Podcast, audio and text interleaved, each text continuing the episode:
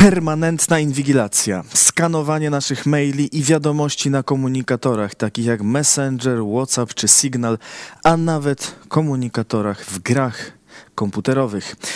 Tego chce Unia Europejska, a dokładniej Komisja Europejska. O co chodzi, dlaczego, po co? Oficjalnie chodzi o zapobieganie wykorzystywaniu nieletnich. Komisja proponuje regulacje, które nakażą dostawcom usług internetowych wykrywanie, raportowanie i usuwanie materiałów pornograficznych z udziałem nieletnich. Jeśli organy państwowe uznają, że dana firma udostępniająca np. usługę e-mail czy komunikator internetowy nie wyeliminowała ryzyka, będą mogły nakazać skanowanie całej komunikacji. Takie skanowanie miałoby się prawdopodobnie odbywać automatycznie. Odpowiednie oprogramowanie prześwietlałoby każdą wiadomość, sprawdzając, czy nie ma w niej treści wskazujących na wykorzystywanie dzieci. W razie wykrycia potencjalnie łamiących prawa obrazów czy treści, wiadomość byłaby przekazywana do organów ścigania, które miałyby weryfikować zgłoszenie.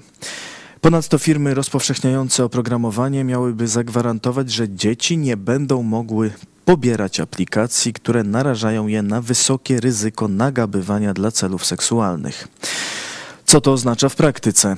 Że potencjalnie każda wiadomość, jaką będziemy przesyłać przez internet, będzie mogła być odczytana przez władze bez nakazów, bez potrzeby pytania o zgodę sądu. Po prostu permanentna inwigilacja. Co prawda większość pracy mają wykonywać automaty, programy komputerowe, ale kiedy już coś wykryją, to weryfikować to będą ludzie. I ci ludzie będą oglądać zdjęcia i wiadomości, które jakiś automat uznał za bezprawne. Drugi problem to szyfrowanie. Obecnie są komunikatory, które pozwalają na szyfrowanie wiadomości w taki sposób, że może je odczytać tylko nadawca i odbiorca. Aby proponowany przez komisję system działał, takie szyfrowanie musiałoby zostać wyłączone, zakazane, a przynajmniej dostawcy usług musieliby instalować furtki dla służb państwowych. I tu od razu trzecia sprawa. Od permanentnej inwigilacji byłby wyjątek. Nie byłaby prześwietlana komunikacja instytucji rządowych. Wyłączenie szyfrowania ułatwiłoby z kolei działanie przestępcom próbującym przechwycić komunikację, także wiadomości wysyłane przez nieletnich. Arda Gerkens była dyrektor Europejskiej Gorącej Linii do zgłaszania materiałów pedofilskich Off Limits.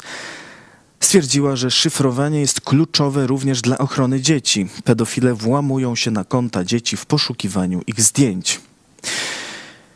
Komisja Europejska propozycję złożyła już w zeszłym roku. W unijnych instytucjach trwają prace nad jej przyjęciem. W poniedziałek Europejski Inspektor Ochrony Danych dr Wojciech Wiewiórkowski zorganizował w tej sprawie seminarium w Brukseli. Eksperci ostrzegali przed zagrożeniami, jakie niosą proponowane regulacje. Sam inspektor stwierdził, że regulacje mogą zakwestionować fundamenty demokratycznego społeczeństwa. A jeśli raz je podważymy, może nie być powrotu, powiedział dr Wiewiórkowski. Niemiecka europosłanka Birgit Sipel stwierdziła, mówimy tu o masowej inwigilacji i w końcu wszelkiej prywatności. Arda Gerkens, przewodnicząca holenderskiego Urzędu do Spraw Zapobiegania Treściom Terrorystycznym w internecie oceniła, że proponowane regulacje będą nieskuteczne. Sama liczba skanowanych obrazów przeciąży nasze systemy, powiedziała. Dawid Frocci e, z organizacji Internet Society powiedział, albo komunikatory będą musiały odszyfrowywać wiadomości, albo będą one skanowane jeszcze na naszych urządzeniach. Pierwsza opcja jest jak otwieranie listów, druga jest jak obserwowanie przez ramię, kiedy je piszemy. O projekcie krytycznie wypowiada się wielu ekspertów. W czerwcu zeszłego roku aż 73 organizacje z różnych krajów europejskich wysłały apel do Komisji Europejskiej o wycofanie się z propozycji. Jedną z nich była Fundacja Panoptykon, która na swojej stronie internetowej pisze o zagrożeniach, jakie powstaną po wprowadzeniu nowego prawa. Jeśli sztuczna inteligencja fałszywie rozpozna treść obrazu, a będzie to zdjęcie dorosłego, trafi ono do organów ścigania, oczywiście wbrew intencji nadawcy i odbiorcy wiadomości. Dziś firmy będą skanować treści w poszukiwaniu obrazów wykorzystywania dzieci. Kiedy te metody będą już rozpowszechnione, co powstrzyma rządy i firmy przed skanowaniem wiadomości w poszukiwaniu politycznej opozycji lub sygnalistów, którzy chcą powiedzieć prawdę. Te obawy potwierdzają ujawnione przez Balkan Insight informacje, że przedstawiciel Europolu podczas spotkań z Komisją Europejską już proponował, by automatyczne wykrywanie było rozszerzone także na inne nielegalne treści. O projekcie pisze na Instagramie dr Kamil Stępniak, ekspert prawa konstytucyjnego i prawa nowych technologii. Stwierdza m.in., że projekt godzi w konstytucyjne prawo do prywatności wynikające z artykułu 47, narusza też artykuł 49 Konstytucji, tajemnicę komunikowania się.